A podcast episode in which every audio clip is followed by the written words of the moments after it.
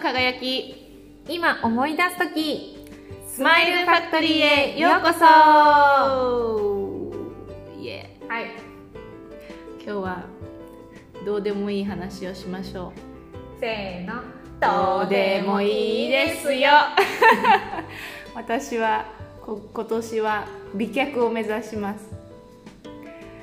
どうでどうもいいですよ いや、どうでもよくないくないよね。いやどうでもいい大事なや話だよそうそう大事だけどどうでもい いのよそんなのはどうでもいいのよこれネタ合わせせずにできたそうかそうら。いやー本当になんかね気づいたらね足が傷だらけで困ってるんですよだからあのなんかそこにねあのちょっといいパワーを注いで、うんあの美脚を目指しますパワー放送。はかずえちゃんはなんかどうでもいい話ある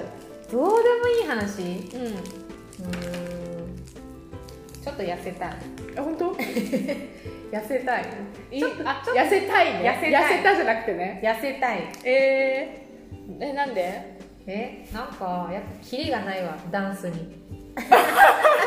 ちょっと重さを感じるわけね重さ、なんかぷよんぷよんしてる。へお腹が。ーじゃあ痩せましょう痩せましょう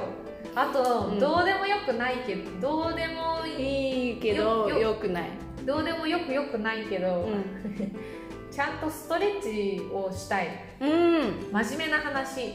真面目な話 いやどうでもいいけどね周りの人からしたらじゃあ真面目にああ何やってんののストレッチストレッチはもう動画見ながら、うん真似したりとかちょっと名前がわからないんだけど、へ普通にこうもうオーソドックスなやつだよねえ夜寝る前とかそれを続けたいのえ私あれやってるよ体を柔らかくしてえっとね YouTube B ライフ B ライフなんえ B ライフって聞いたことある B イライフヨガのねマリコさんって先生がいるんだけどストレッチの動画もあるよやってみへてーすごいいいよあの人フやっぱりスッキリするすっきりするしなんかね私の中ではいろいろヨガ動画とか試したけどなんかね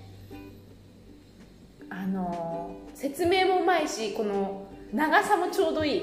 あの短すぎず長すぎずみたいなちょっとやってみてなるほどね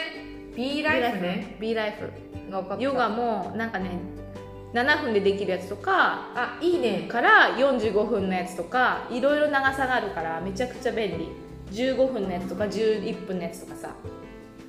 なるほやどってみて私2年前ぐらいに初めてヨガのコミュニティに参加してうん行ったんだけど正直ね、うんまあ、私もともと体硬いからうん、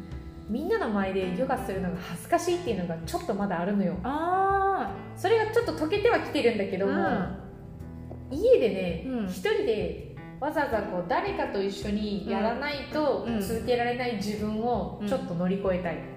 意味わかる自分一人でもできるように、うん、自分をうんバランスコントロールできるようになりたいっていうのがえそれは何自分一人で動画を見ながらでもいいってそこうとそう動画を見ながらでもいいから続けたい続けたいのようんそうだけど熱しやすく冷めやすい人だからさうんそう唯一ヒーリングしか続けてられてないからいやいやいいじゃんいいじゃん じゃあでもお気に入りの動画が見つかるっていうのもいいよねあーそれはある私音楽お気に入りの音楽ってすごくあって、うんそれをかけると絶対に気分が上がるっていうやつを持ってる、そうだからそそうういいうう感じでエクササイズ動画も探せるといいねあへえ探したら絶対見つかるよねうんなんかどうでもいい質問とか欲しいねいや本当にっていうか誰が聞いてくれてるのか知りたくない どうでもいい質問本当に欲しいねなんかさなんだっけなどなたかのね インスタで見たんだけどさ、なんだっけどうでもいい質問くださいみたいなんでさその質問がさう、ん目やにはティッシュで取りますかそれともなんだっけ手で拭き取りますかみたいなすっごいどうでもいい質問あって、上手だうね、ん、回答がさ実はどちらでもでもなく綿棒で取るんですっていうさすご いさどうでもいいけどめっちゃめっやりとりちゃ面白いと思っ面て何そのどうでもいい質問あーなんか、キレがあるね、うん頭によくないよくない弱いなん弱かいそういうどうでもいい質問欲しいです欲しいどうでもいい質問くださいちょっと馬鹿げた話ぐらいだね楽しういんじゃあこれぐらいにしとこ今回はねはい